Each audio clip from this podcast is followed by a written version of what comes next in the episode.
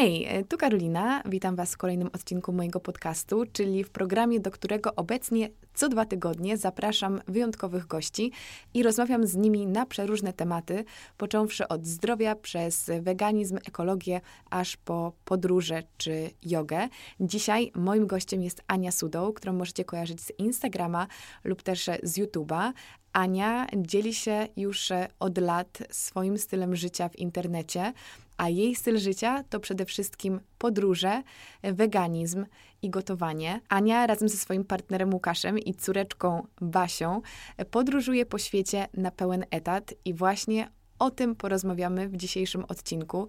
Ania opowie nam, jak to się stało, że rzucili wszystko i zaczęli zwiedzać świat, o tym, jak wygląda życie w ciągłej podróży, jak poradzić sobie w różnych zakątkach świata, będąc na diecie roślinnej, które miejsca najbardziej sprzyjają weganom, e, które były dla niej największym wyzwaniem oraz e, jak to jest podróżować z trzylatkiem. Wierzę, że ten odcinek zaciekawi nie tylko podróżników czy rodziców, ale każdy znajdzie w nim odrobinę inspiracji do zwiedzania nowych miejsc, a może również do próbowania roślinnych dań. Zapraszam do wysłuchania. Aniu, Cześć. Cześć. Witam Cię w moim studio i bardzo się cieszę, że jesteś i że udało mi się Ciebie złapać, bo teraz, o ile się nie mylę, jesteś w Polsce na ten okres e, świąteczno-noworoczny, tak. ale chyba za tydzień już wyruszasz gdzieś dalej. Tak, 16. I dokąd lecisz? E, na Galapagos najpierw. Wow. Jest tak. E, a później będę przez dwa miesiące w Ameryce Południowej. I to jest twój pierwszy raz w Ameryce Południowej? Będzie? Znaczy, wcześniej byłam w Meksyku, w Gwatemali i w Belize, czyli byłam bardzo blisko, bo to już jest Ameryka Środkowa, ale w południowej jeszcze nie byłam, więc jestem bardzo podekscytowana. No dobra, faktem jest, że generalnie podróżujesz na pełen etat. Można tak to nazwać. Tak, tak. Ja bardzo lubię to tak nazywać, bo się czuję, jakby to była właśnie moja praca. I to brzmi super, powiem no. ci szczerze. tak. Ale jak to się zaczęło? Mm, to, co mam na myśli, to w którym momencie stwierdziłaś, że w taki sposób chcesz żyć? I kiedy zaczęłaś ten sposób żyć? I mówię o liczbie pojedynczej, ale kiedy zaczęliście, powinnam tak, powiedzieć. Tak, tak. Podróżujemy w trójkę z moim partnerem i z naszą córką. E, I tak naprawdę my jeszcze zanim urodziła się Basia, chcieliśmy troszeczkę w ten sposób żyć. Przeprowadziliśmy się na chwilę nawet do Portugalii, ale to wtedy mieliśmy taki pomysł, żeby e, jechać w jedno miejsce, pomieszkać tam kilka miesięcy i się przenieść w kolejne. Mhm. A w 2017 roku, czyli już teraz mogę powiedzieć, że dwa lata temu, właśnie Łukasz zabrał mnie z okazji naszej rocznicy do Poznania. I to nie tak daleko. Nie tak daleko, dokładnie, ale ja zawsze, ja uwielbiam Poznań, bo uwielbiam jeżyc jadę i ogólnie ja kocham Polskę. Polskie miasta są cudowne. Zabrał mnie do Poznania i tam sobie tak spacerowaliśmy i mieliśmy dużo czasu, żeby myśleć o wszystkim e, i chodziliśmy do różnych fajnych knajp. I ja tak mówię do niego, kurczę, mogłabym tu pomieszkać jeszcze z miesiąc, żeby sobie pojeść te super rzeczy. A on mówi, no wiesz, że to jest tak naprawdę możliwe. No i ja tak siedziałam w parku i tak myślałam, kurczę, właściwie to wystarczy, że sprzedam nasz dom. Wystarczy.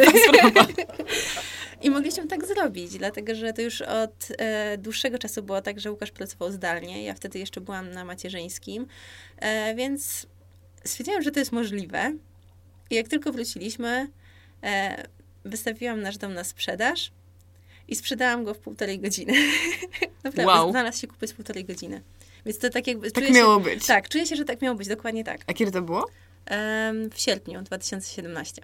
I wtedy od razu ruszyliście w podróż? Nie, wtedy zrobiliśmy tak, że e, umówiliśmy się z tymi kupcami, że sprzedamy im dom dopiero jakby po zimie, mhm. bo my musieliśmy się przygotować i tak dalej do tej podróży. I ci ludzie też, e, było im to na rękę, żeby się nie, prze, nie przenosić zimą ani nic takiego. E, no i spakowanie domu też nie jest łatwą sprawą. Więc się umówiliśmy z nimi na koniec marca. Więc mieliśmy jakby te pół roku takiego przygotowania. I dokąd ruszyliście? E, najpierw z racji tego, że mieliśmy jeszcze w leasingu nasz samochód, e, podróżowaliśmy po Europie.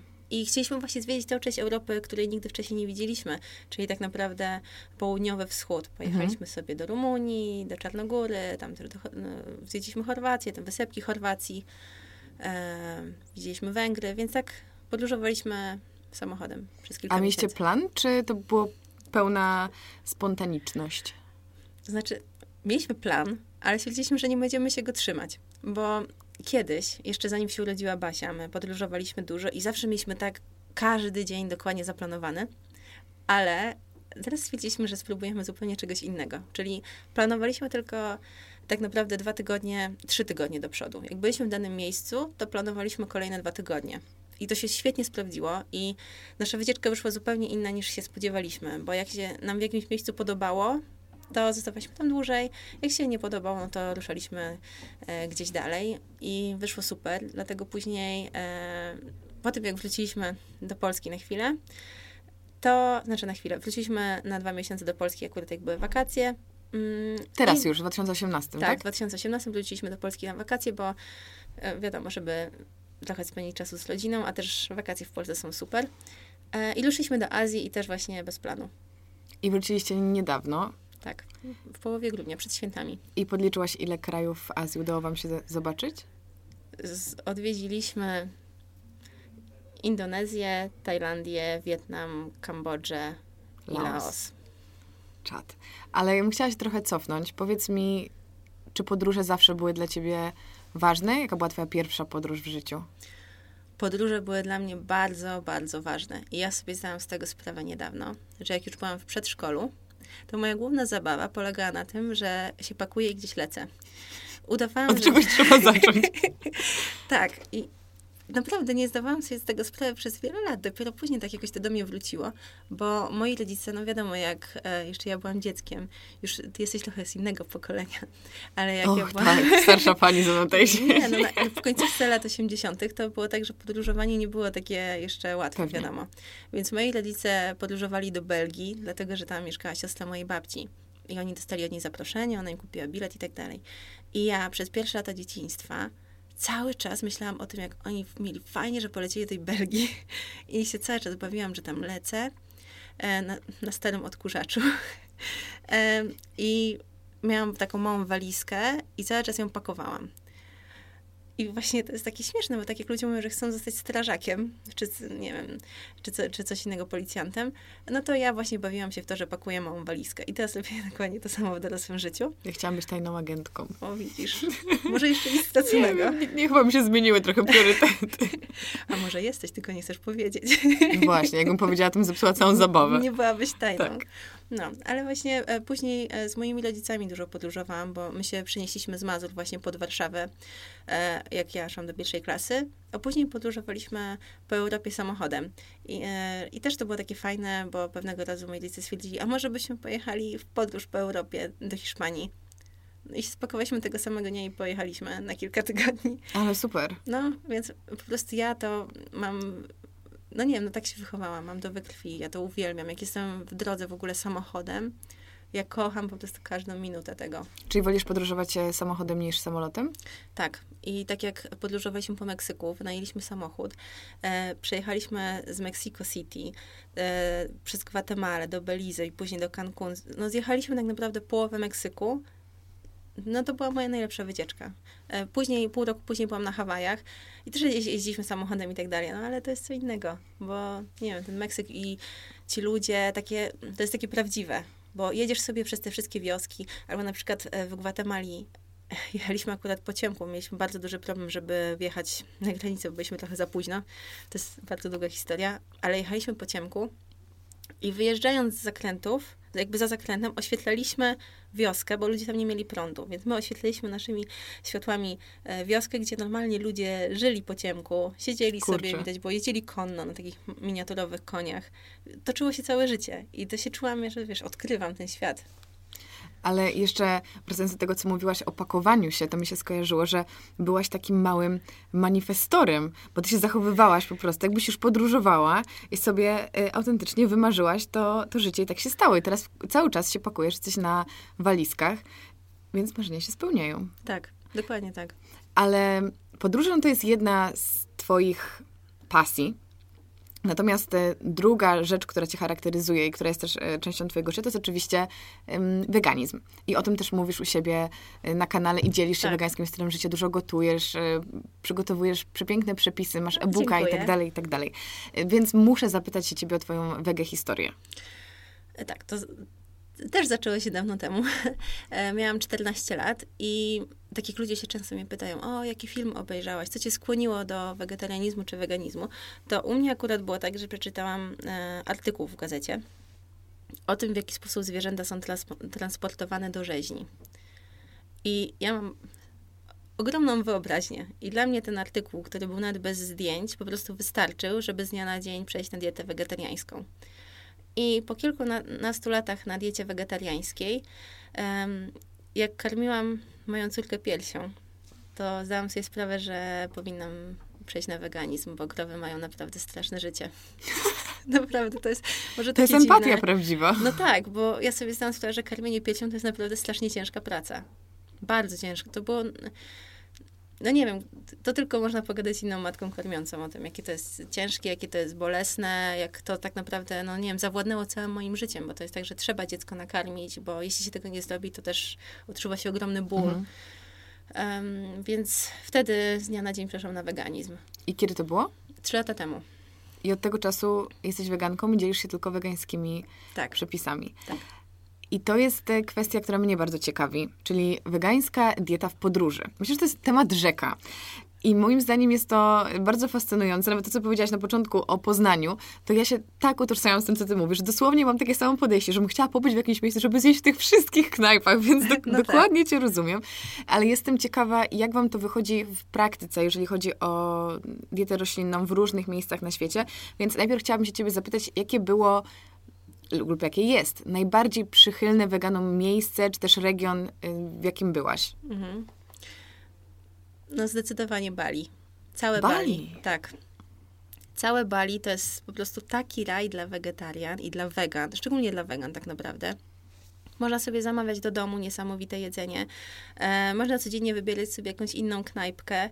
To jest po prostu Bali to jest takie połączenie azjatyckiego świata z takim, nie wiem, Nowym Jorkiem, mhm. z, z, takim zachodem.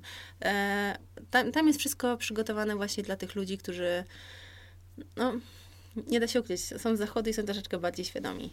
Ale czy przez to nie traci to jedzenie takiej autentyczności, że ono jest pod turystów i to są pewnie takie też trendowe potrawy wegańskie, czy ono jest e, też lokalne przy okazji? Właśnie, bardzo fajnie, że poruszasz, że zadałaś to pytanie, dlatego że Często ludzie podróżują na Bali i są właśnie zawiedzeni, a prawda jest taka, że na Bali można znaleźć bardzo dużo lokalnego wegańskiego jedzenia, tylko trzeba wiedzieć, gdzie szukać. Bo ogólnie w Azji łatwo jest znaleźć to jedzenie, dlatego że mnisi jedzą w ten sposób. Mhm. E, I tak samo jak w Tajlandii, to jedzenie, które się nazywa jai, takie jedzenie e, wegańskie dla mnichów, tak samo bez problemu można je znaleźć e, na Bali. I wegańskie jedzenie balijskie jest przepyszne. Na przykład tempek zrobiony w takim cieście naleśnikowym. Ja mm. zakochałam się w tym po prostu. Albo różne sajgonki, różne makarony. Można to znaleźć, tylko trzeba wiedzieć, gdzie szukać. I jak szukać w takim razie? Ja używam zawsze aplikacji Happy Cow. I to po prostu ratuje mi życie wszędzie. Ale też e, często robię tak, ja bardzo dużo chodzę. E, ogólnie uważam, że tak jak lubię samochodem jeździć przez jakiś kraj, tak po miastach różnych albo nowych, nowych miejscach lubię po prostu iść. I zaglądam do różnych miejsc. I zaglądam, co tam jest ale najczęściej właśnie korzystam z Happy Cow i zawsze też znajduję miejsce, które, e, miejsce do spania, które jest niedaleko e, jakiegoś dobrego miejsca do jedzenia. No dobra, to numer jeden to będzie u ciebie Bali. Jeszcze mogłabyś dwa nam podrzucić. No, muszę powiedzieć, że na pewno jedzenie super jest na Hawajach. Naprawdę. E, no, nie też, byłam, ale sobie wyobrażam. Jest też fajnie i to też no, jest, jest podobnie dlatego, że to jest e, też dosyć e, turystyczna lokalizacja, wiadomo. E, ogólnie wszędzie tam, gdzie są świeże owoce i warzywa, to dla mnie to jest e, super miejsce. Szczególnie, no tak na przykład, byliśmy na takiej małej wysepce w Tajlandii, e, na Koyaonoi. I tam też były trzy wegańskie knajpy, więc ja byłam zachwycona. Na jednej małej wysepce? Tak. Dokładnie, bo to jest taka wysepka, to jest taki raj. Po prostu to jest autentycznie raj. Tam jest tylko jedna droga, można pojechać dookoła wyspy w kilka godzin i tam przyjeżdżają ludzie z zachodu. Między innymi właśnie moja ulubiona knajpka była prowadzona przez dziewczynę ze Szwajcarii. I oni po prostu jakby przynoszą to ze sobą. No, no wiadomo, dlatego dzięki nim można tam tak zjeść. Ale ja też najbardziej na świecie lubię jeść na śniadanie papaję z sokiem z limonki. To jest pyszne połączenie. I tak. powiem ci, że jeszcze parę miesięcy temu bym do końca nie była przekonana, bo raczej nie jestem bardzo owocowym człowiekiem, ale po podróży do Tajlandii zrozumiałam, że to, jak smakują tam owoce, nie ma nic wspólnego z tym, jak smakują one u nas w Polsce, czy w ogóle gdziekolwiek w Europie, dlatego warto pojechać do tych krajów i spróbować i przekonać się, że są boskie. I naprawdę zastępują no.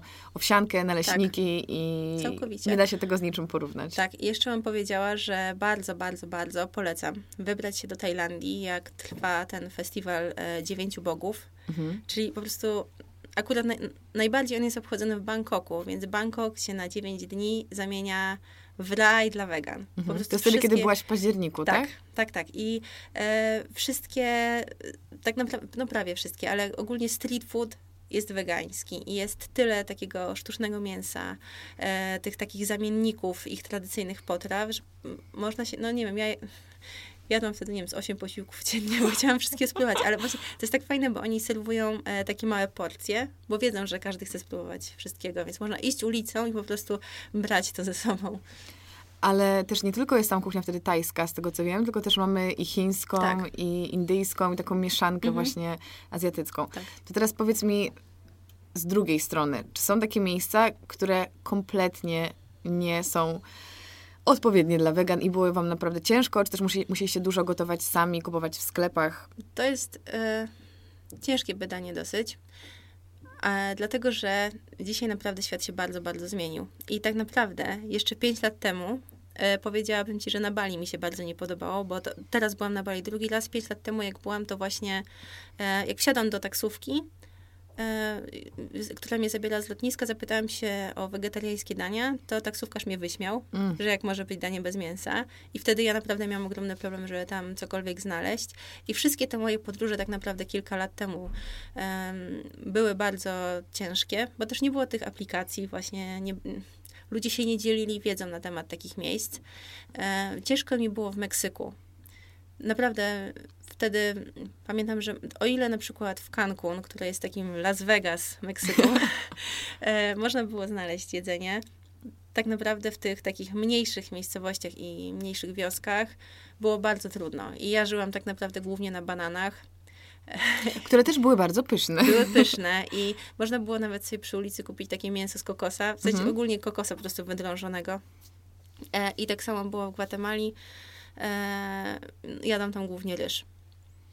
Słuchaj, grunt, nie wiem jak ty, ale ja na przykład nie jestem wymagająca, więc ja prawdopodobnie bym była i szczęśliwa z tych owoców i, i, i, ewentualnie warzyw i ryżu. Natomiast wiadomo, dla niektórych ludzi może to być ogromna przeszkoda, stąd warto wybrać się do tych miejsc nieco bardziej przychylnych y, weganom i dlatego myślę, że jednak Azja jest tutaj najlepszym rozwiązaniem, chociaż też nie wszędzie, ale to, co mnie bardzo ciekawiło z tego, co powiedziałaś, to jest to, jaką transformację w takim razie przeszło na przykład Bali na przestrzeni tak, pięciu lat. Dokładnie. Że jednak ta świadomość zmieniła się tak bardzo, że oni też dostosowali dostosowali się mm, do, do, tego, czego oczekiwali turyści, ale na przykład wydaje mi się, że w takiej Tajlandii te dania już od pokoleń po części były wegańskie. Oczywiście. Nie wiem, czy też to zaobserwowałeś, że właśnie w Tajlandii nie trzeba było się tak wysilać, w sensie nie trzeba iść do takich knajp stricte wegańskich Dokładnie. z jakimiś tworami wegańskimi nowymi, tak. bo wystarczy e, zaczerpnąć z tej ich tradycji i, i naprawdę każdy weganin powinien być Oczywiście. zadowolony. Tak mnie teraz y, zainspirowałaś, żeby pojechać na Bali, bo tak zastanawiałam się, czy to jest dobry, czy to jest dobra destynacja, bo słyszałam, że jest tak bardzo turystyczna. Tak.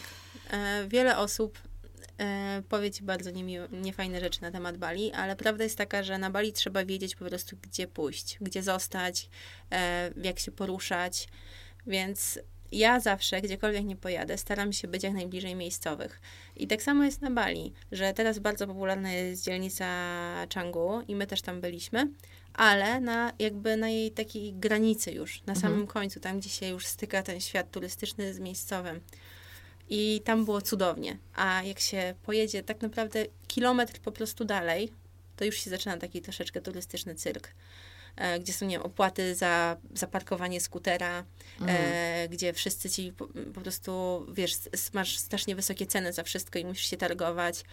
A jak pojedziesz troszeczkę właśnie dalej od tego turystycznego szlaku, to moim zdaniem ta wyspa bardzo e, zyskuje. A słuchaj, twoja córeczka jest weganką? Tak. I jak ona sobie radzi? Bardzo dobrze. Baśka najbardziej kocha gotowane buraki i tofu. Wszyscy się zawsze śmieją, bo na moich filmach widać, jak ona na przykład, jak kroje tofu, bo chce coś zrobić, robię jakieś danie na przykład do makaronu. I ona to po prostu pokrojone tofu, wyjęte z opakowania, ona zjada. I często ja już na przykład nie mam tofu, że wrzuci do makaronu, bo ona zje całe takie bez żadnych przypraw. Smakoszka. Tak. Ale miałaś z nią kiedyś e, właśnie jakieś problemy związane z jedzeniem, że właśnie nie chciała jeść tego, co jej przygotowałaś? E, wiesz co, czasami chyba każde dziecko tak ma, że ma takie fazy, że ono na przykład nic, nic nie chce jeść. Albo powie mi, że uwielbia ananasa, a następnego dnia, że nienawidzi ananasa. Więc, Kobieta zmienną jest. Tak. To znaczy z tego, co ja tak, e, tak, tak mi się wydaje, że dzieci bardzo lubią decydować o sobie, a jak jest takie malutkie dziecko, no to ma niewiele tych płaszczyzn, na których mhm. może decydować. Więc chce decydować o jedzeniu i na przykład właśnie mówi, że czegoś nie chce jeść. Ale ja wychodzę z założenia, że nad pełnym talerzem jeszcze nikt nie umarł z głodu, więc jeśli będzie chciała jeść, to zje. I pozwala Pewnie. mi na to, żeby nie jadła. Jeśli nie panikujesz, chce. jeżeli nie, nie chce. Nie. A jak ona się odnajduje podczas podróży? Czy ma w sobie taką ciekawość do próbowania nowych smaków? Zdecydowanie. Ona chce zawsze spróbować wszystkiego. Ale to jest piękne. I wtedy, no właśnie, to znaczy, że wszystko jest z nią w porządku. Czasami po prostu może się najadła poprzedniego dnia, na albo przykład. nie ma ochoty na daną rzecz. A ja też zawsze, mimo że oczywiście nie mam dzieci, ale wydaje mi się, że zbytnie panikowanie nad jedzeniem dziecka niczego nie wnosi, bo jak będzie głodne, to po prostu zje. Tak, tak, tak. A tym bardziej, że dzieci bardzo są dobrymi obserwatorami e, i jeśli widzą, że coś na przykład rodzica denerwuje, e, albo że dzięki temu zyskują dużo więcej uwagi, to będą to powtarzać. I mi się wydaje, że wiele dzieci próbuje skupiać na sobie uwagę właśnie tym, że wybrzydza. Robić cyrk z jedzenia. Tak. Muszę zadać ci jedno pytanie, które widziałam, że się u ciebie pojawiało a propos Basi, czyli to, jak Basia będzie się kształcić, skoro jesteście cały czas w podróży i jak ty to widzisz w przyszłości? Ona teraz ma trzy latka? Tak, skończyła No właśnie, więc jeszcze trochę ma przed sobą. Jestem ciekawa, jakie masz plany, pomysły. E, tak, więc e, przede wszystkim my właśnie e, też zdecydowaliśmy się na to podróżowanie przez to, że Basia nie musi chodzić do szkoły. Wiedzieliśmy, że mamy ograniczony czas, właśnie przez to, że kiedyś będzie musiała pójść do tej szkoły albo podjąć edukację w inny sposób. E, I to też tam dało takiego trochę kopa. Na pewno mnie bardziej zmobilizowało właśnie do tej sprzedaży domu, tak jak rozmawialiśmy. No i mamy te trzy lata i postanowiliśmy wykorzystać je na to, żeby znaleźć swoje miejsce na ziemi, żeby zdecydować, gdzie byśmy chcieli się osiedlić. Bo ja, zanim Baśka się urodziła, byłam przekonana, że będę chciała uczyć ją w domu. Naprawdę byłam tego pewna.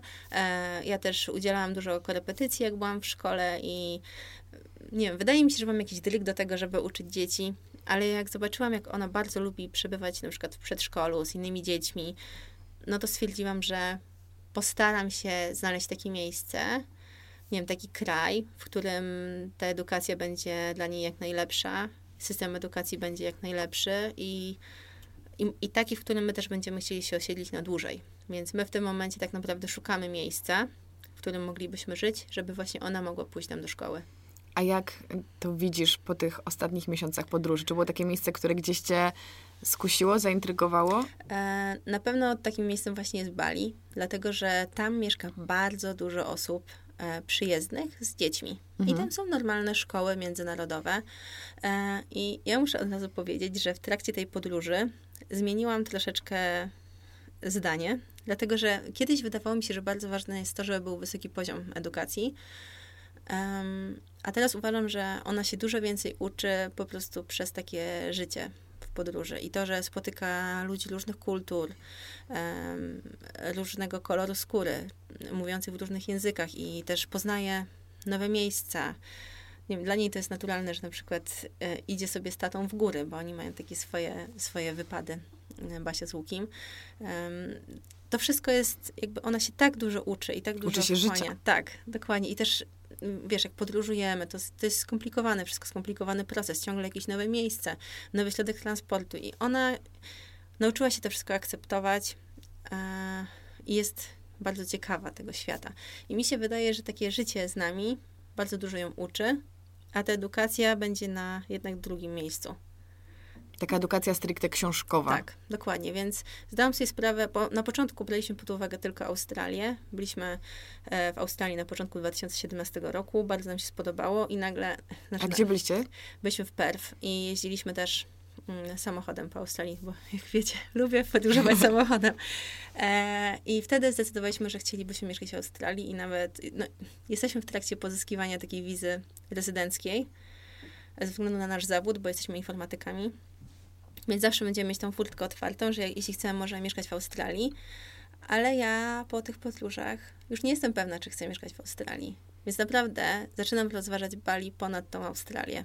Powiem ci, że chociaż nie zwiedziłam tylu miejsc co ty, to też e, od jakiegoś czasu chodzi za mną taka myśl, że chciałabym znaleźć swoje miejsce na ziemi, ale im więcej pomieszkuję w różnych krajach, tym bardziej uświadamiam sobie, że tak naprawdę ja bym chciała mieszkać wszędzie. Nie wiem, czy też masz takie Tak, tak, uczucie, tak. Że, że wiesz, że jak będziesz w tym jednym miejscu, to nie będziecie w tym drugim, Tak. a tam by było też tak Dokładnie. super i trzeba sobie wybrać ten scenariusz dla siebie, a to jest strasznie trudna decyzja. To jest bardzo trudne e, i tak jak e, Łukasz zaproponował, że może byśmy się na przykład przenosili co pół roku i Basia by miała jeden semestr w jednym kraju, drugi w kolejnym.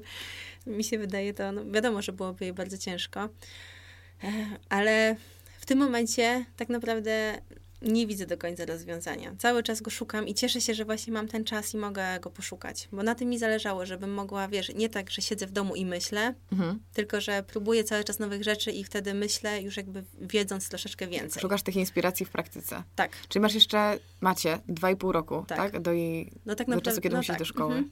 No bo tak, celowaliście w Australię, następnie skusiło was Bali, ale nie na tyle, żeby poprzestać, bo też Tak. mnie to bawi. No. Że bawi, w sensie to jest urocze, że, że myślicie sobie, że może Bali, No, ale nie zostajemy tam, żeby się przekonać, tylko jedziemy dalej, zobaczyć, Tak. czy jest jakieś inne miejsce.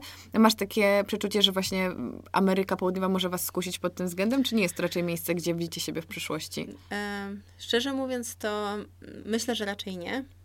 Dlatego, że to jest bardzo specyficzne miejsce i też wielu miejsc, w których będziemy, jest dosyć niebezpiecznie. Ja Więc też raczej, tak sobie wyobrażam. tak, więc raczej bym nie, nie chciałabym tam mieszkać na stałe. E, no ale zobaczymy, bo wiesz, nigdy nie mówię nigdy, bo to tak samo jak w ogóle e, na przykład Gwatemala. Ja- My byliśmy w Gwatemali e, właśnie tylko jadąc z Meksyku, byliśmy tak naprawdę tylko trzy dni. A to jest kraj, który, który na mnie wpłynął najbardziej ze wszystkich moich podróży, bo Ja właśnie... kocham Guatemalę za kawę. Dziękuję ci, Tak. że produkujesz taką pyszną kawę. No ale wiesz, że tam e, ciężko jest wypić dobrą kawę, bo wszystko idzie na eksport. No. Można sobie to wyobrazić. Tak, niestety. Ale słuchaj, te trzy dni w Gwatemali zmieniły moje podejście do życia, bo tam właśnie zdecydowałam, że jestem gotowa na dziecko. To znaczy, razem Mhm. zdecydowaliśmy. Ale to się, w mojej głowie się to bardzo zmieniło, bo, Ale dlaczego właśnie tam? bo wiesz co, jak widziałam te dzieci, w jakich one są warunkach, że nie mają prądu, bo tam, i to nie jest tak, że tutaj nie ma infrastruktury do prądu, tylko tam jest straszna korupcja. Ci ludzie Mhm. płacą za rachunki, ale rząd i tak im tego prądu nie dostarcza. Kurczę. E, I nie wiem, te dzieci sie- siedzą sobie na hamakach cały dzień, po prostu bawią się w takich, wiesz, grupkach, e, sprzedają kukurydzę przy drodze i one były tak szczęśliwe, te dzieci. Po prostu, wiesz co, to było po nich widać. To nie były takie dzieci, że siedzą i się nudzą, tylko Patrzą w tablet. Tak, dokładnie. Tylko wszystkie były takie... E, I jeszcze, jeszcze fajne było to, że e, rodzice tam budowali takie chopki. Wiesz o co chodzi? Jak się buduje na drodze takie spowalniacze, Mhm. że są takie, to się chyba sierżant nazywa. Leżący policjant, no, No, to a, tak, tak, dokładnie. I tam ludzie, e, żeby chronić te dzieci, budują na tych drogach coś takiego nielegalnie. Mhm. E, I to też dla mnie się, no wiadomo, że to jest może trochę głupie, ale to się wydaje dla mnie też taką troską, bo przed każdą szkołą, c- często przed właśnie domami, coś takiego jest zbudowane, żeby samochody zwalniały. Dla nas to było straszne, bo e, nie widać ich z daleka, tych sierżantów czy właśnie tych chopek i często najeżdżaliśmy na nie. E, I podwozie rozwalone.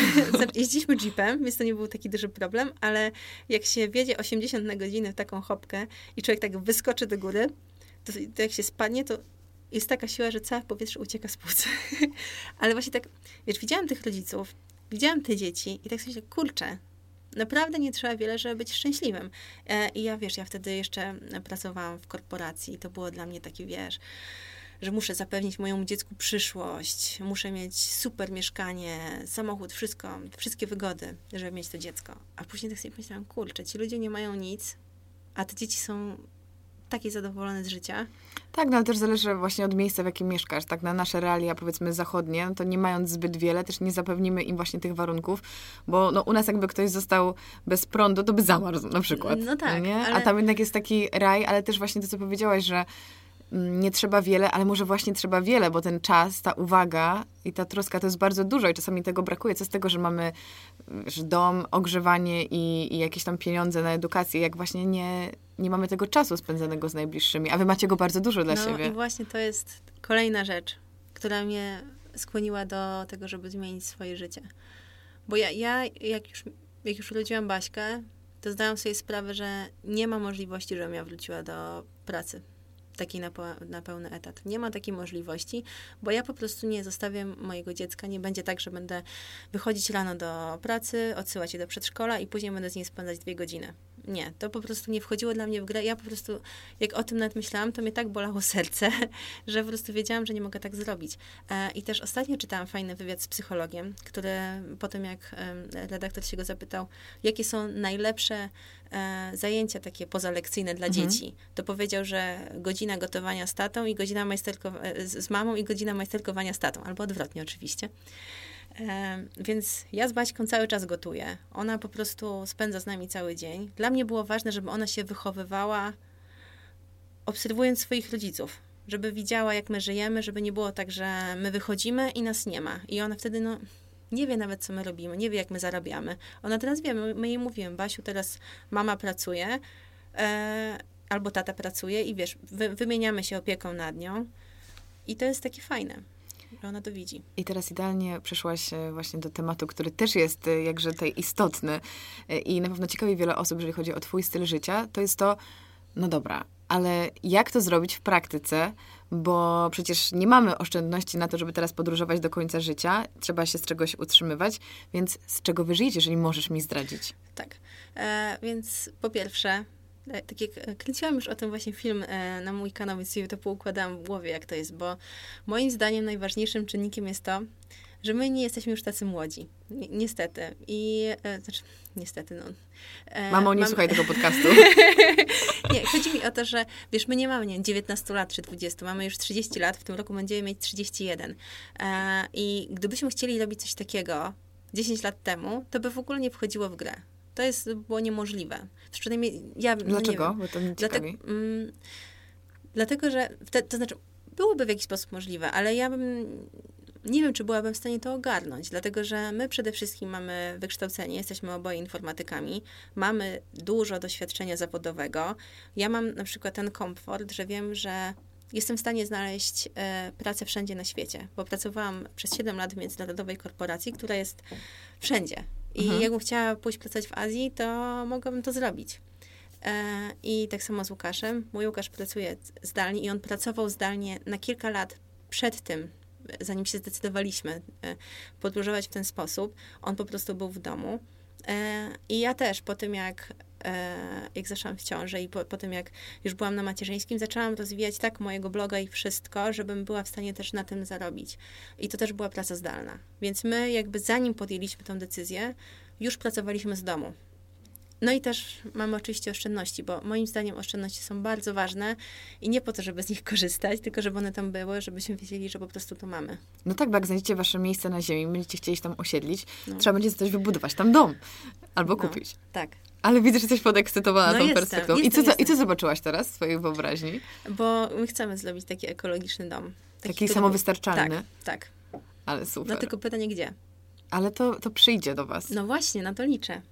A powiedz mi, czy po Ameryce Południowej planujecie wrócić do Polski, czy jeszcze jest jakiś taki rejon, który chcecie odhaczyć? Powiem ci tak, my mamy tak długą listę rzeczy, które chcemy zobaczyć. Ona w ogóle, my w ogóle już e, na początku naszych podróży zdecydowaliśmy, że będziemy robić tak. Mamy ogromną listę i po prostu szukamy biletów. Mhm. Jak się trafiają dobre bilety, to od razu je kupujemy. Bilety na Galapagos kupi się w pół godziny, bo zawsze wiedzieliśmy, że chcemy tam lecieć. I akurat byliśmy w Rumunii i Łuki mówi, pojawiły się bilety na Galapagos. Ja mówię, kupuj. Od razu. Po prostu od razu, bo już kiedyś tak było, że po prostu straciliśmy okazję, żeby kupić bilety do Australii bardzo tanio. I, I, tak się nauczyliśmy, że tak, bilety na Hawaje też kupi się w pół godziny, bo po prostu to była super oferta. A jaka to jest dobra cena na takie dalekie destynacje? E, znaczy, akurat na Hawaje to była tak dobra cena. Poleciliśmy tam za 1700 zł w obie strony. To był błąd systemu. To się po okay. prostu tak rzadko zdarza. E, no i to jest kosmos. E, na Galapagos akurat wyszło nas sporo więcej, ale to przez to, że podróżujemy z Basią i niektóre promocje nie obejmują dzieci. A to jest dziwne, powinno być odwrotnie. Dziwne, tak. dziecko w pakiecie. Tak, ale bo to są błędy systemu, więc mhm. tego po prostu nie przewidzisz, więc zapłaciliśmy 2800 zł, ale najśmieszniejsze jest to, że kupiliśmy po prostu bilety na Galapagos i z Galapagos z powrotem ale w międzyczasie pojawiła się super promocja na to, żeby kupić sobie bilety z Ameryki Południowej e, do Lizbony. Więc tak jakby ten nasz bilet powrotny z Galapagos, już nie będziemy z niego korzystać, tylko kupiliśmy sobie bilet do Lizbony i podejrzewam, że po prostu jak wrócimy, to będziemy podróżować troszeczkę po tej Europie Południowej, żeby jeszcze trochę tego ciepełka było. I ja bym chciała znowu zrobić tak, jak zrobiliśmy w zeszłym roku, czyli żeby na wakacje być chwilkę w Polsce.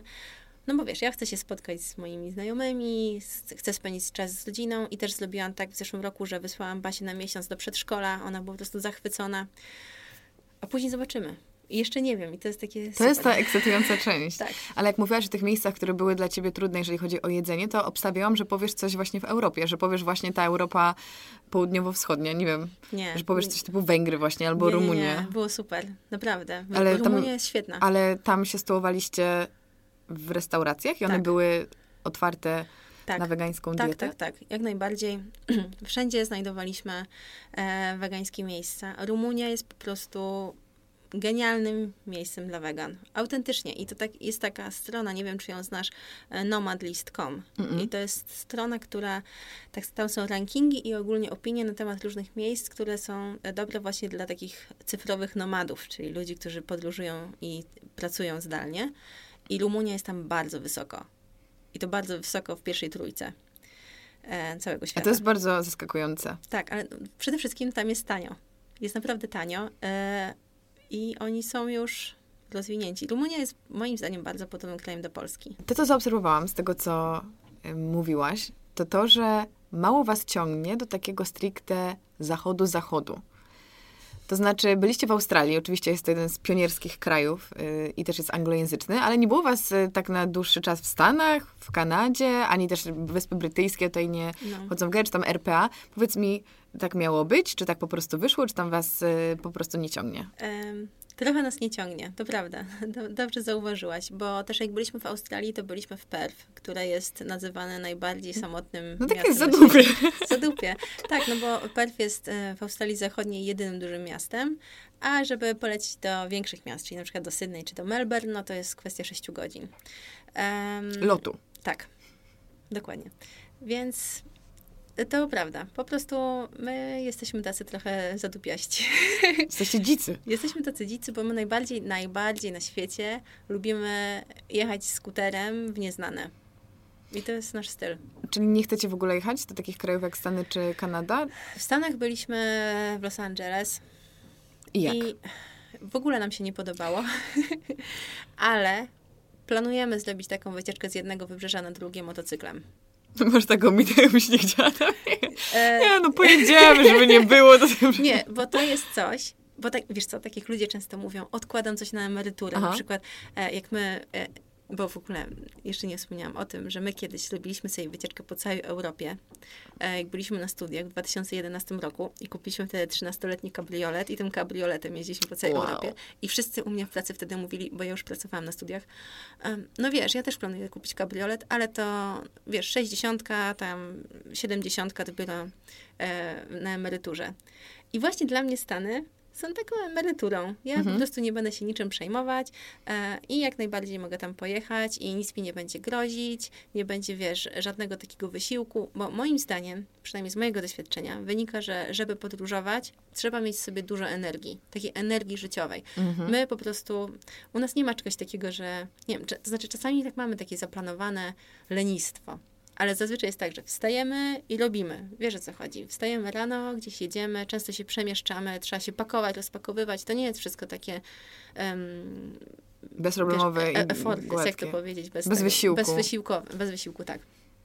Więc e, ja bym na emeryturę nie zostawiała. To wszystkim polecam. Nie zostawiać na emeryturę różnych takich podróży, szczególnie właśnie takich bardziej dzikich miejsc a Stany są dla mnie takim miejscem, które mogę zostawić, a... Mm, nie są takim dużym wyzwaniem, tak, tak się wydaje. Dokładnie. A jeśli chodzi o Wielką Brytanię, to Wielką Brytanię już mamy zjeżdżoną całą, to też o tym nie, nie wspomniałam. E, wynajęliśmy taki śmieszny sportowy samochodzik e, Caterham, zjeździliśmy całą Szkocję. E, no, byliśmy też na wymianie studenckiej w Irlandii. E, w Londynie byliśmy nawet z Baśką trzy razy, więc to wszystko, jak ostatnio byliśmy w Londynie, to ja po prostu nie mogłam się przyzwyczaić do tego, że ludzie tak pędzą. Tam ci ludzie w garniturach biegną po kanapkę szybko. Zawsze są e, w pośpiechu. Tak. I dla mnie, ja się uwolniłam z takiego świata, bo ja naprawdę pracowałam bardzo, bardzo dużo. Miałam takie momenty, że z Łukiem się nie widzieliśmy przez dwa tygodnie, chociaż razem mieszkaliśmy. No kurczę. Bo ja wychodziłam tak wcześniej do pracy, że on jeszcze spał, wracałam jak on już spał. I tylko pamiętam, że przychodził, ja wracałam e, i w domu siadałam dalej do pracy i kiedyś przyszedł do mnie i mówi, co ty robisz? A była druga w nocy, ja siedziałam nadal nad moją pracą, po prostu miałam tak dużo pracy. I wtedy wydawało mi się to normalne. Teraz już mi się nie wydaje normalne, jak o tym mówię. E, ale wyrwałam się z takiego świata i dlatego mnie nie ciągnie. To... Czyli wy trochę walczycie z kapitalizmem takim. Jest taki wasz osobisty manifest.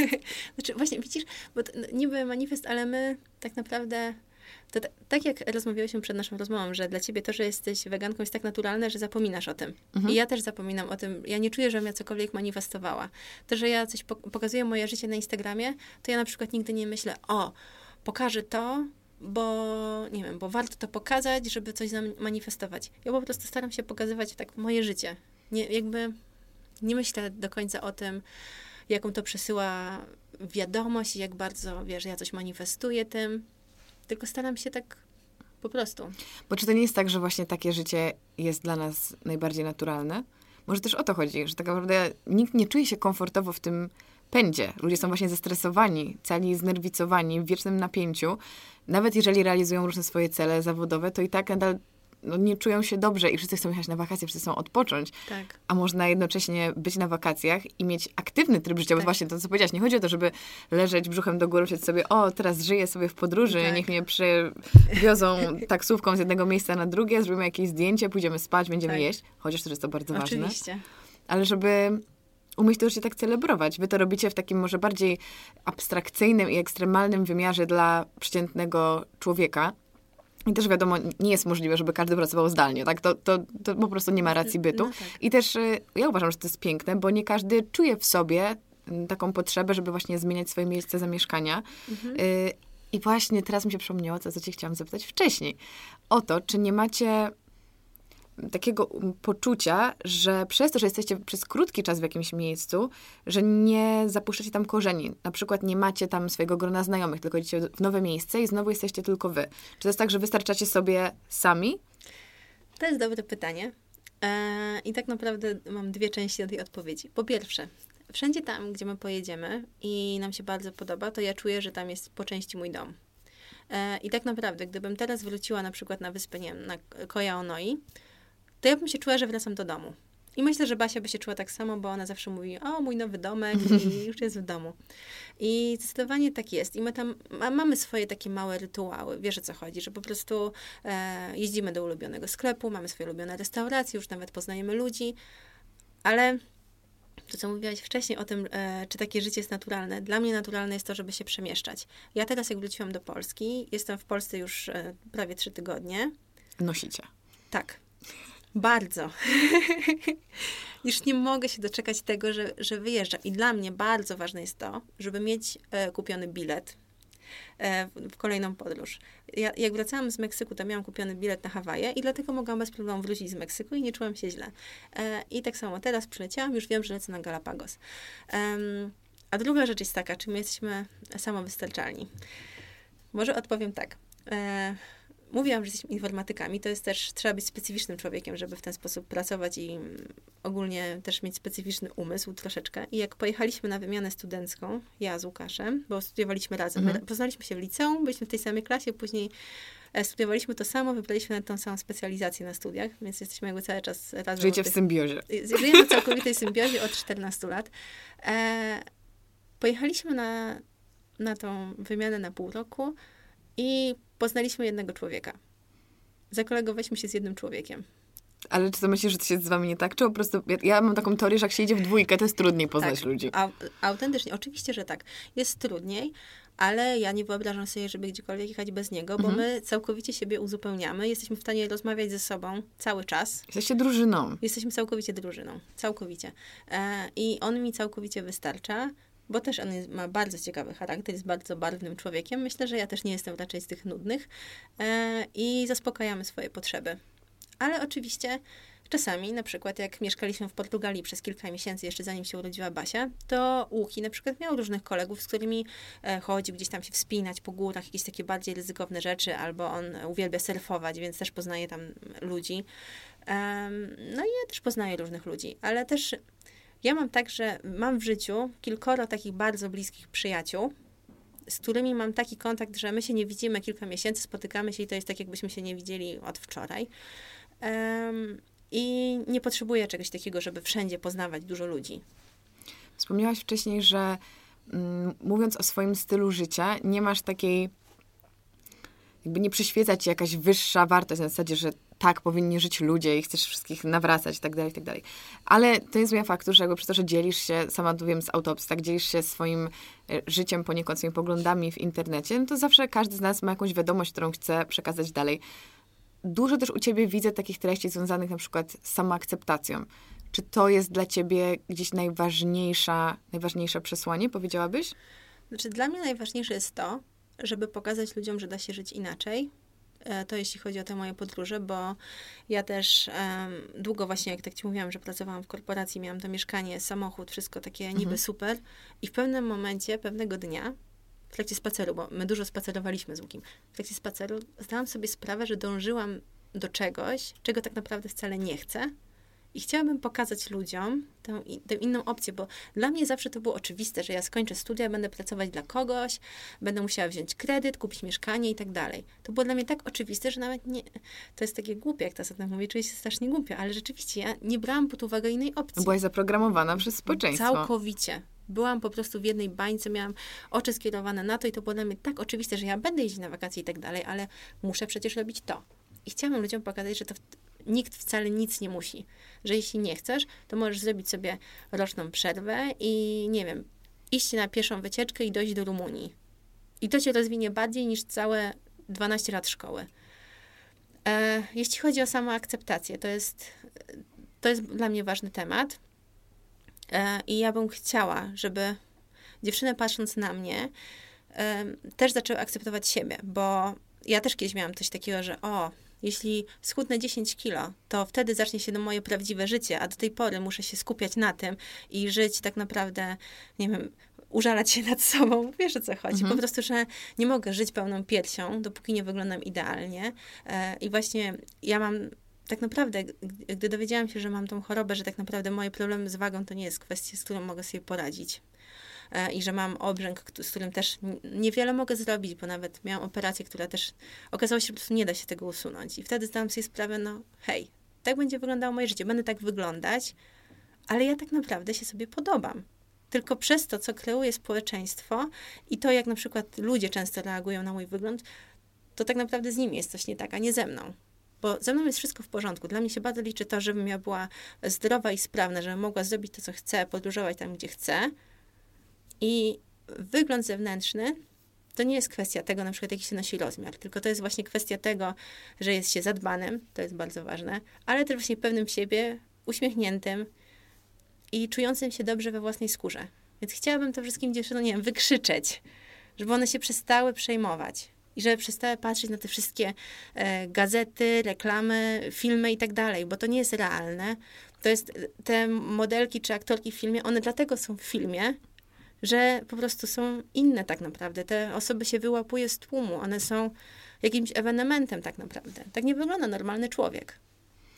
To, co mówisz, jest y, bardzo ważne i ja też y, podobne słowa usłyszałam, jak byłam w Tajlandii od bardzo mądrej kobiety, którą tam spotkałam, która mi uświadomiła jakby też paradoks naszego społeczeństwa, jeżeli chodzi o te kanony piękna. Ona powiedziała, Karolina, zobacz, nie wiem, 30 lat temu e, modna była chłopięca sylwetka zero kobiecości, tak? Dokładnie. Teraz jeszcze niedawno były takie modelki wybiegowe, teraz już mamy modelki fitness, tak? A jeszcze wcześniej y, kobiece kształty były jak najbardziej pożądane, lata 50. To się tak zmienia, że ona mi uświadomiła, jak bardzo to jest wykreowane, jakie to jest sztuczne, że z takim ciałem możesz przez w jednej dekadzie być wychwalana, a w drugiej dekadzie możesz być wytykana palcami. I, i raz, że nie mamy wpływu na to, jak my wyglądamy, dwa, nie możemy dać się ponieść tej modzie, tak, i tym, tym kanonom, bo szkoda czasu. Tak, i nie możemy uzależnić swojej wartości od tego, czy właśnie ktoś nas wychwala i stawia na piedestale i mówi, że jesteśmy piękne, bo to nie jest, to nie, nie zależy od tego to zmieńmy temat na coś e, mniej refleksyjnego i bardziej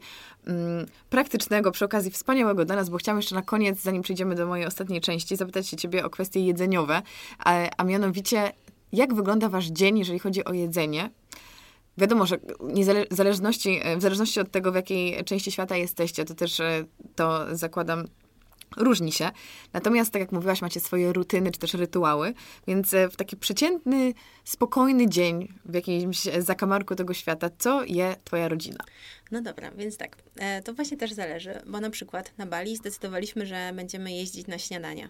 I jeździliśmy skuterem do naszych ulubionych, tam kilku ulubionych knajpek i robiliśmy tak, że rano wstawaliśmy, staraliśmy się jak najszybciej zebrać, żeby wziąć wszystkie potrzebne rzeczy na plażę, bo na Bali bardzo lubiliśmy chodzić właśnie na plażę, spacerować plażą, Łuki pływał, więc robiliśmy tak, że po prostu zbieraliśmy się szybko, jechaliśmy skuterem e, do restauracji, jedliśmy tam nasze ulubione jedzenie, czasami braliśmy też coś ze sobą na wynos, na przykład albo jakieś ciasto, albo jakiegoś rapa, żeby zjeść sobie na plaży. Spędzaliśmy tam dzień.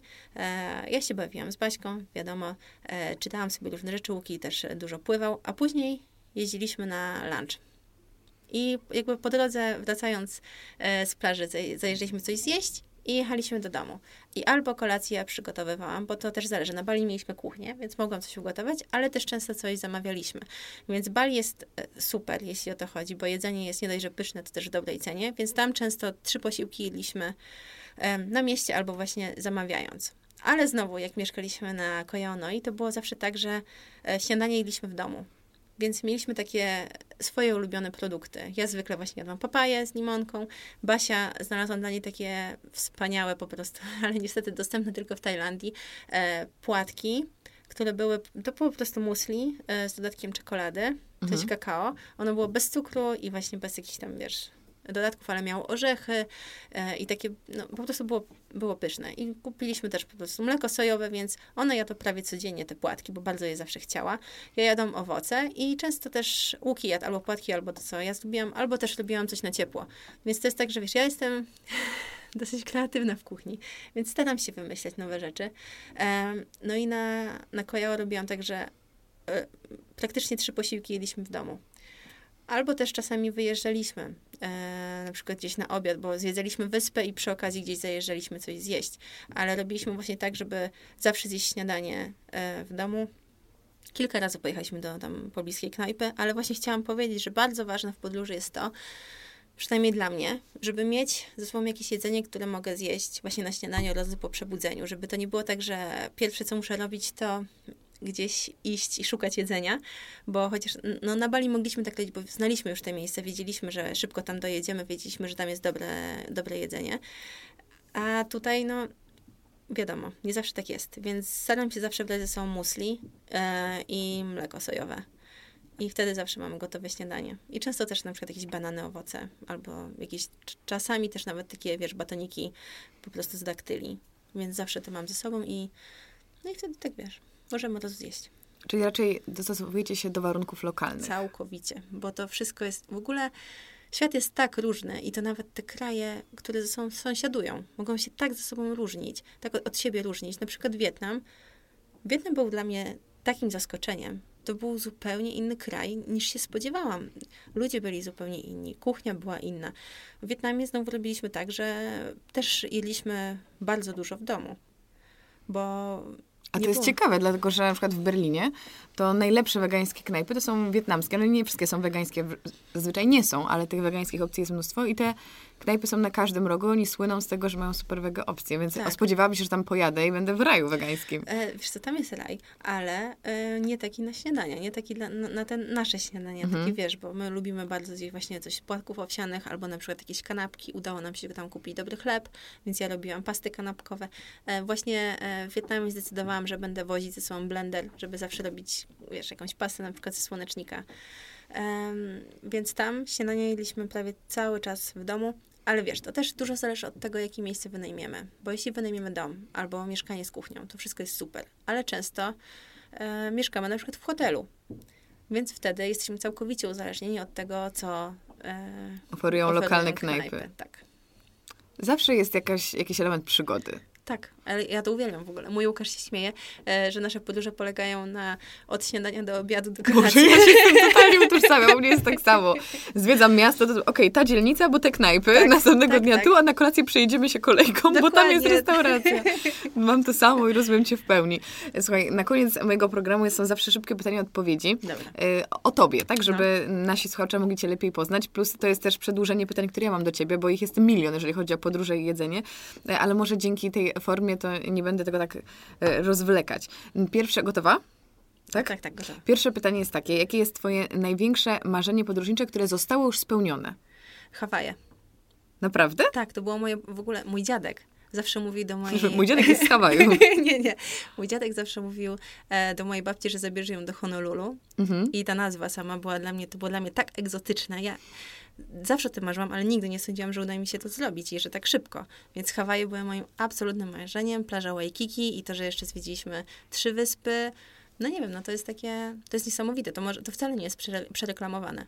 Nie jest przereklamowane. Ale byliście na różnych wyspach? Tak, byliśmy na trzech wyspach. I Którą polecasz najbardziej?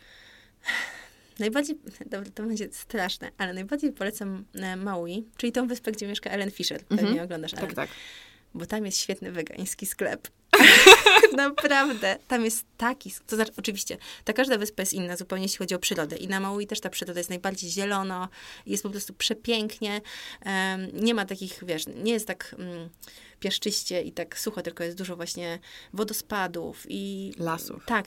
I, no niesamowite są te drogi, ale jest tam taki fajny sklep, gdzie można po prostu przyjść i jeszcze o 17 są promocje i można dostać takie e, jedzenie, już taka niby garmażerka, wiesz, Mhm. co chodzi, takie gotowe jedzenie, które jest super przecenione i wszyscy tam już od razu stoją w kolejce i są niesamowite owoce, warzywa, tyle produktów. Ja po prostu chciałam zamieszkać naprzeciwko tego sklepu.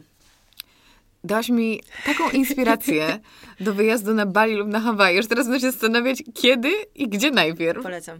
Słuchaj, Idą, idą. Jak najszybciej. bo dosłownie wczoraj pytałam się mojej mamy, mówię tak, tak coś czuję, że pojadę gdzieś dalej w tym roku, ale tak w sumie nie wiem gdzie, bo nie wiem, które miejsce kusi mnie najbardziej. Dzisiaj już wiem. Teraz będę między tymi dwoma decydować. To mam e, dla ciebie kolejne pytanie, czyli jakie jest twoje jeszcze niespełnione największe marzenie podróżnicze? To tak naprawdę bardzo bym chciała odwiedzić e, całą Oceanię, tak naprawdę wyspy po prostu Oceanii i też tak naprawdę, zaczynając od Nowej Zelandii, bo tam też nie byłam, to Mhm. mnie bardzo kusi, ale też te wszystkie małe wysepki, Pitcairn i tak dalej. Mogliśmy na to lecieć, jak byliśmy na Hawajach, ale lot był tylko raz w tygodniu. No Musieli E, być tam na tydzień. Tak, i to no, nie było to zbyt rozsądne, więc bardzo, bardzo, bardzo bym tam chciała. E, Ale chciałam też polecieć na Islandię, dlatego że nigdy nie byłam, bo nie lubię jeździć w zimne miejsca, ale tam są niesamowite zorze polarne i to mnie bardzo kusi. Więc to jest też takie moje marzenie, które jest, no, powiedzmy, łatwe do spełnienia. Kolejne pytanie, czyli jakie jest twoje danie popisowe? Pad thai. I to wszyscy, którzy mnie oglądają, na pewno to samo pomyśleli. Pad thai to jest po prostu moje danie, które zawsze robię wszystkim moim przyjaciołom, bo wszyscy je zamawiają. I jak nie wiem, co zrobić, to robię pad thai, wszyscy są zachwyceni. I e, nauczyłam się go robić już na tyle sposobów. Znam też oczywiście ten sposób tradycyjny, bo nauczyłam się go robić e, w Tajlandii. Ale Czy ty byłaś, przepraszam cię, w tej samej szkole y, kulinarnej, co ja, to Mai Kaide, Tak, czy jakoś tak? tak, tak. Tylko ty byłaś w Chiang Mai, czy byłaś tak, też w Bangkoku? w Chiang Mai. Byłam na tych samych warsztatach i No, byłam zachwycona i super zjadłam było, całe tak? jedzenie, które tam było. W ogóle to, było, to był hit, bo byłam z dwójką Australijczyków, którzy byli po obiedzie. W ogóle kto idzie na warsztaty No. zaraz po obiedzie. I oni nie sądzili, że będziemy to jeść. Więc w Co ogóle, za ludzie? nie wiem. Nie znają świata. I ja po prostu zjadałam to wszystko, a oni się tego nie patrzyli, zostawiali puste te miski, potem, słuchaj, wywalili ich jedzenie, byłam strasznie zdenerwowana, no, ale nie. niestety nie mogłam zjeść wszystkiego, ale i tak to, co się dało, to mi zapakowali na No, wynos. super. Ja też wzięłam na wynos. I było boskie. I tam właśnie był ten pad thai, dlatego chciałam się ciebie zapytać, co myślisz o tym substytucie jajka w postaci mleka kokosowego? Super pomysł. Super No. pomysł, naprawdę. W życiu bym o tym nie pomyślała, bo to chodzi o to, że dodaje się e, właśnie troszeczkę mleka kokosowego i jeszcze odrobinkę tej pasty kary, żeby to tak e, wyschło na patelni. W życiu bym na to nie wpadła. A Genialne. robi świetną robotę. Tak, genialny pomysł. Żeby w ogóle mleko wyschło na patelni. No a oprócz pad thaia, już tak się trochę pomęczę. Wiesz co, ja ogólnie uwielbiam robić makarony i makarony ryżowe. Jak ja mam w domu makaron ryżowy, to jestem spokojna, bo mogę zjeść wszystko, ale kocham jeszcze dwie rzeczy. Kocham ziemniaki i jestem w stanie z ziemniaków przygotować wszystko. Ziemniaki to jest po prostu moje życie, naprawdę. E, I pizzę. Ja robię, no, nie będę skromna, robię świetną pizzę. Naprawdę świetną. I to robię na cieście orkiszowym, taka musi Wow. być cieniutka. E, I najlepsza na świecie jest pizza z jarmużem. A nie Autentycznie. próbowałam. musisz zrobić.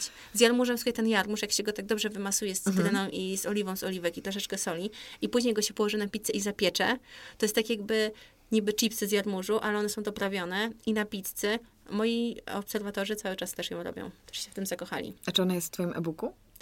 W e-booku jest inna pizza. A No właśnie, bo też normalnie- nie kojarzę jej. Tak, dlatego że e, ta pizza jest po prostu na kanale.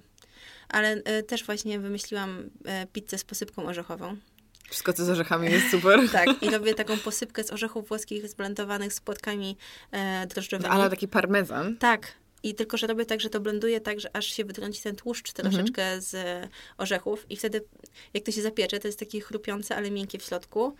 Uwielbiam. Po prostu uwielbiam. Wszyscy teraz zgłodnieli e, po drugiej stronie odbiornika. E, W każdym razie kolejne pytanie to jest, e, czy masz swoją ulubioną kuchnię świata? Jakbyś miała jeść tylko jedną kuchnię. Tajska. No tak, pad thai to Całkowicie. nie, nie, jestem, nie jestem zdziwiona Tak, tutaj. tak. to Ja, ja byłam w stanie jeść to codziennie. Jeszcze bym zrobiła sobie sticky rice e, i zrobiłam sobie kary i mogłabym tak jeść. Ja chyba też. I to się robiłam sobie w Tajlandii. I powiem ci, że poczułam się dziwnie ostatnio, bo poszłam do tajskiej knajpy w Edynburgu. Ja nie jestem wybredną osobą, naprawdę mi smakuje praktycznie wszystko. I byłam załamana. O nie.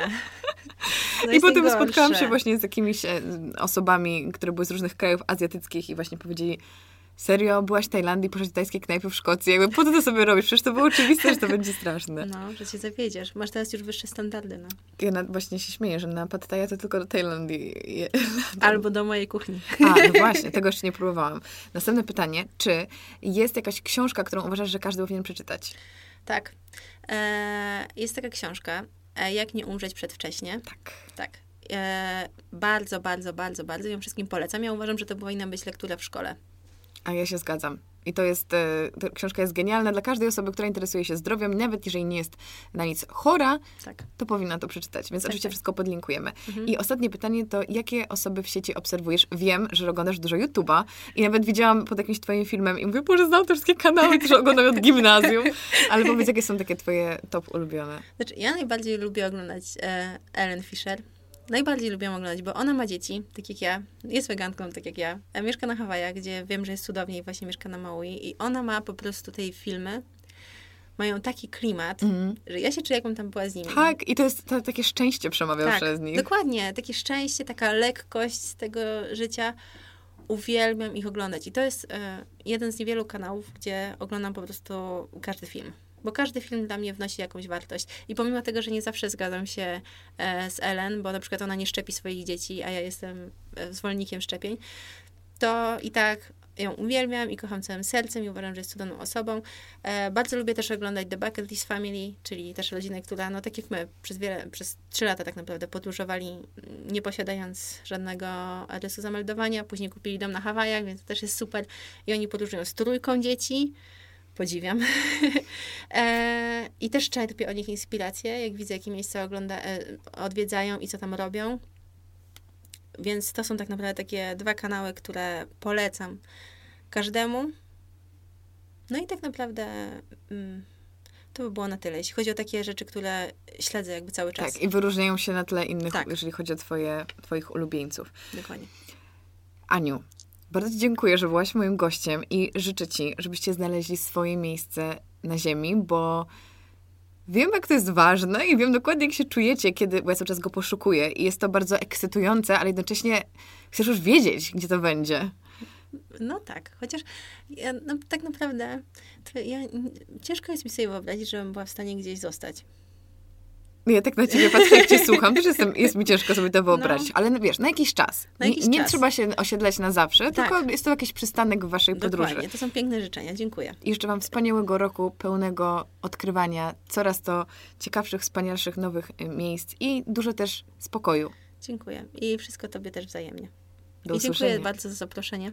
A nie ma za co. Do usłyszenia. Pa! pa. Nie wiem, czy zauważyliście, ale zapomniałam na koniec zapytać Anię o to, gdzie można ją znaleźć. E, Także oczywiście odsyłam Was na stronę Ani, na jej Instagrama, na jej Facebooka oraz e, do zakupienia jej e-booka. A Wam dziękuję jeszcze raz za wysłuchanie tego odcinka. Na mojej stronie karolinasobańska.com znajduje się post poświęcony naszej rozmowie, gdzie macie wszelkie odnośniki i linki. Oczywiście możecie podcastu słuchać na YouTubie, gdzie czekam też na Wasze komentarze i na YouTubie możecie również dać mi subskrypcję. Jeżeli chodzi o Spotify, tak samo możecie zaobserwować program, a na iTunesie, jeśli macie chwilę, będę bardzo wdzięczna, jeżeli zostawicie mi recenzję, e, czyli dacie pięć, mam nadzieję, gwiazdek oraz e, kilka słów e, opinii. Bardzo mi to pomaga, dzięki temu też mój program jest promowany i trafia do szerszego grona odbiorców. My widzimy się już za dwa tygodnie w kolejnym odcinku. E, jeszcze na koniec e, polecam Wam zaobserwowanie Instagrama Karolina Sobańska Podcast, bo tam macie przedpremierowe informacje o tym, kto będzie moim gościem i możecie też mieć wpływ na to, co będzie się działo w programie. Do usłyszenia. Pa!